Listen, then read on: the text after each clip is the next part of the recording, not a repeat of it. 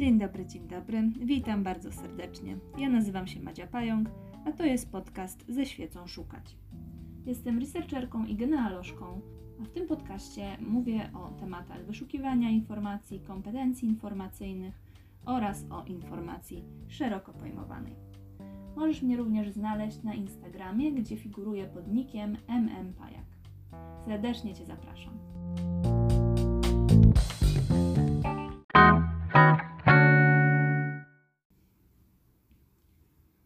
Dzisiaj chciałabym poświęcić chwilę, żeby powiedzieć o teście, który e, osoby znające język angielski mogą się uśmiechnąć na jego nazwę. O teście CRAP, dosłownie CRAP przez 2a, który jest testem sprawdzającym wiarygodność źródeł. Jest to test, który został stworzony przez Sarah Blakesley i ma za zadanie, tak jak e, już Wam przedstawiłam, sprawdzić wiarygodność źródeł. Jego nazwa pochodzi od pierwszych liter kategorii, które należy wziąć pod uwagę przy sprawdzaniu źródła. Są to więc e, currency, relevance, authority, accuracy i purpose. I teraz sobie omówimy wszystkie pięć. Jest ich pięć. Omówimy sobie wszystkie pięć, e, począwszy właśnie od currency. Currency e, można przetłumaczyć na bieżącość danej informacji. Czy to źródło, czy ta informacja jest bieżąca, czy to jest news, czy to było źródło opublikowane z opóźnieniem.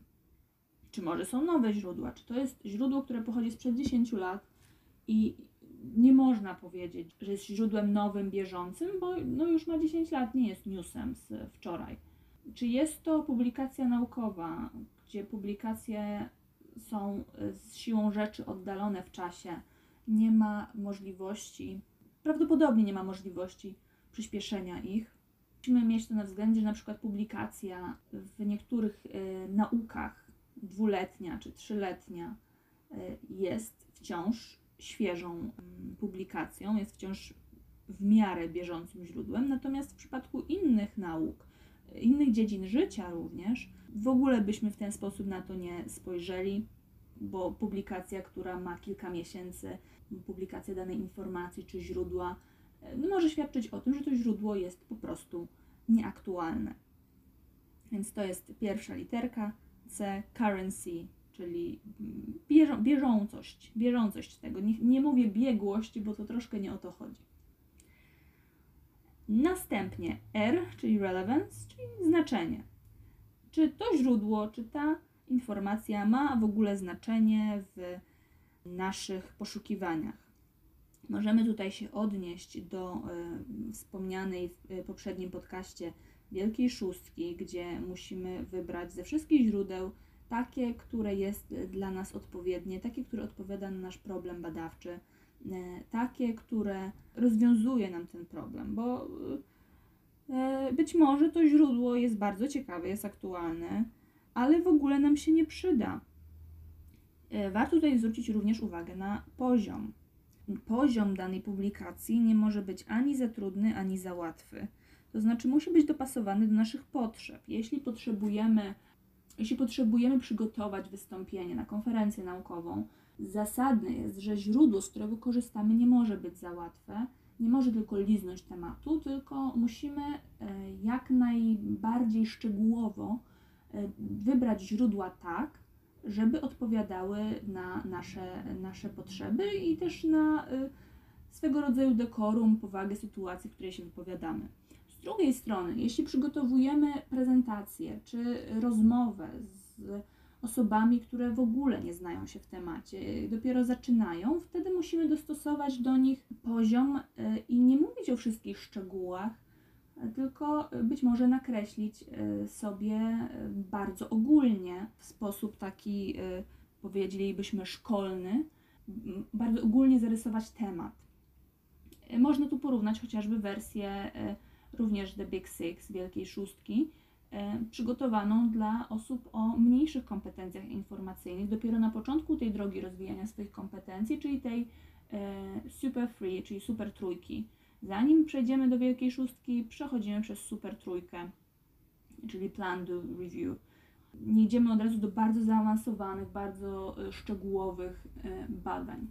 Tak jak uczymy matematyki, zaczynamy od e, mnożenia, zaczynamy od dodawania i odejmowania na zapałkach, a nie wprowadzamy logarytmów na samym początku. I tak samo jest w kwestii poszukiwania źródeł i dobierania źródeł do mm, naszego, naszego tematu. Obiektywnie źródło może być ok, ale nie spełniać kryteriów e, naszego problemu i, i naszego wykorzystania tych źródeł. Trzecią kategorią, czyli pierwszą literką A, jest authority, czyli e, coś, co możemy rozumieć e, jednocześnie jako autorstwo, autorytet i kompetencje.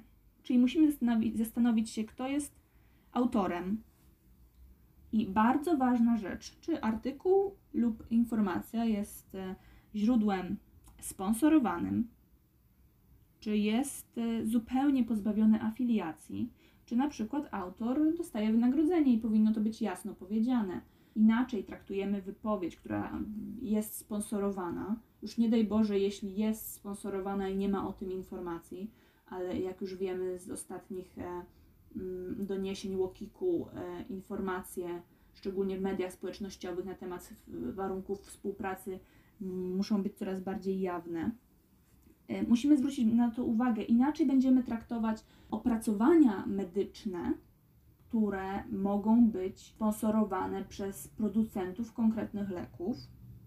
Nie oznacza to od razu, że trzeba takie źródło dyskredytować, natomiast trzeba, trzeba zdecydowanie mieć na uwadze, że niekoniecznie jest to źródło tak obiektywne, jakby mogło być.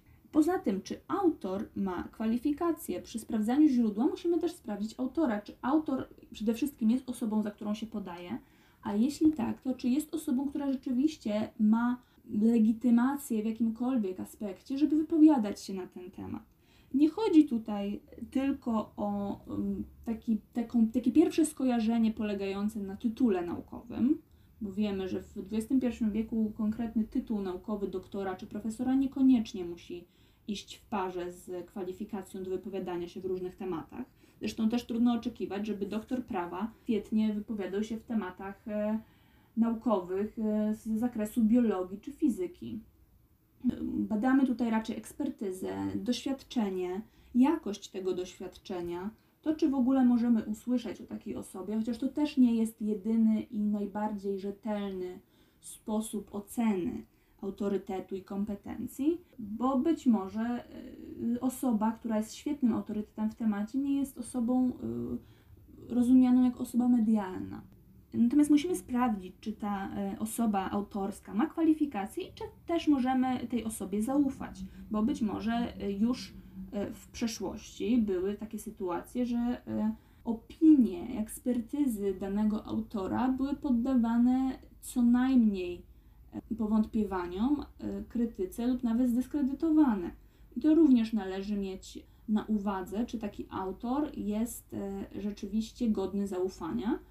Między innymi warto e, to sprawdzić poprzez zbadanie reakcji tego autora na oskarżenia, czy, czy może pomówienia o tym, że jakiś artykuł czy jego praca nie do końca jest zgodna z prawdą, nie do końca jest wiarygodna. Dużo mówi w tym temacie zachowanie autora, czy autor przyznaje się do tego, czy udaje, że nie ma problemu i co robi dalej, żeby w jakiś sposób zadośćuczynić tej pomyłce, która może być naprawdę brzemienna w skutkach. Następnym A w teście CRAB jest accuracy, czyli precyzyjność, dokładność. Informacja w źródle musi mieć dowód musi być dokładna, nie może być zbyt ogólna. Musimy wiedzieć, jak ją możemy udowodnić, czy jest informacją, e, czy jest daną liczbową, którą możemy znaleźć w, jakiejś, e, w jakimś opracowaniu, którego nas ten autor odnosi.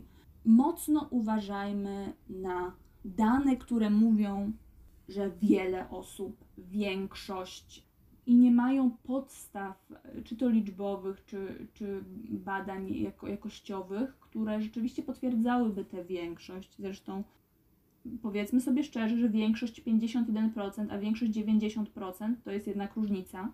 Już absolutnie y, bądźmy wyczuleni na każde użycie słowa każdy, wszyscy, nikt. Bo to idealny moment, żeby e, zobaczyć, kto próbuje nami manipulować. Najczęściej to jest e, niestety związane też z językiem.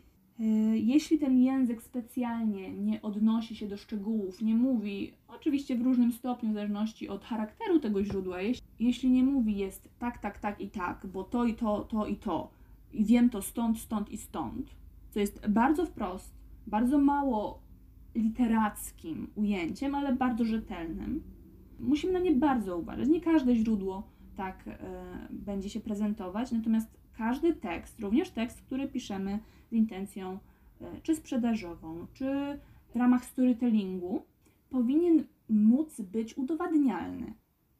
I nawet jeśli opowiadamy historię i opowiadamy historię o sobie, o swojej marce i, i tak dalej, to to, co my w tym mówimy, forma może być e, formą opowieści, tak jak opowiadamy o różnych rzeczach, natomiast powinniśmy móc udowodnić i najlepiej robić to od razu, a nie czekać, aż ktoś nas zapyta, ej, czy to jest prawda.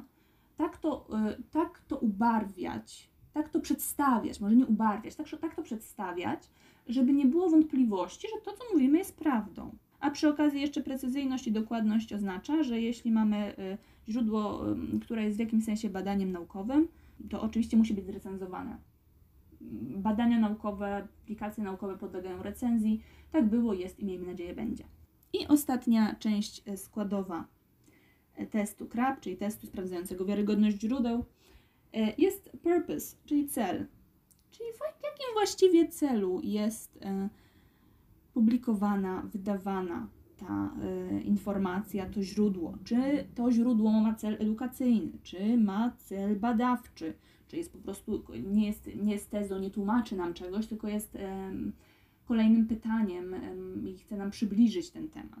Czy być może ten cel jest sprzedażowy i nie ma w tym nic złego, jeśli mówimy o tym wprost, że cel tego jest sprzedażowy. Tak samo sprzedaż nie oznacza braku wiarygodności. Wręcz przeciwnie, przy sprzedaży, przy pisaniu, przy stwarzaniu informacji sprzedażowych jak najbardziej musimy się trzymać tych wszystkich e, informacji, właśnie, żeby dbać o naszą wiarygodność. Natomiast jest również możliwość, że autor chce coś ugrać. Czy mamy pewność, że autor e, przez ten tekst nie chce czegoś ugrać, czy jesteśmy pewni, że ma czyste intencje? Tutaj również wchodzi e, bardzo znacząco język. Czy prezentowane stanowisko nie jest opinią? Czy to nie jest jakiś bias związany z prywatnymi poglądami autora? E, czy nie jest e, e, wręcz propagandą. Czy to, jest, czy to nie jest propaganda, czy to nie jest intencjonalne wywołanie pewne, pewnego rodzaju reakcji. Musimy naprawdę wziąć to pod uwagę, czy rzeczywiście ten niewinny tekst, to niewinne źródło, z którego korzystamy, czy rzeczywiście to jest tak niewinne, jak chcielibyśmy wierzyć, że jest.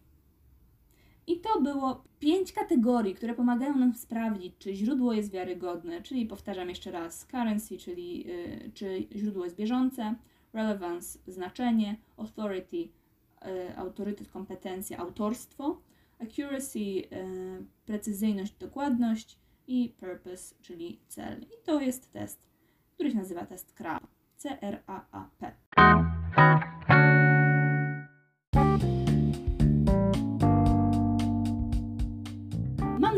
Że ten temat Ci się spodobał. E, jeśli masz ochotę ze mną porozmawiać, czy w tym temacie, czy zadać jakiekolwiek inne pytanie, zapraszam Cię na mojego Instagrama, gdzie jestem dostępna dla Ciebie. Wielkie dzięki.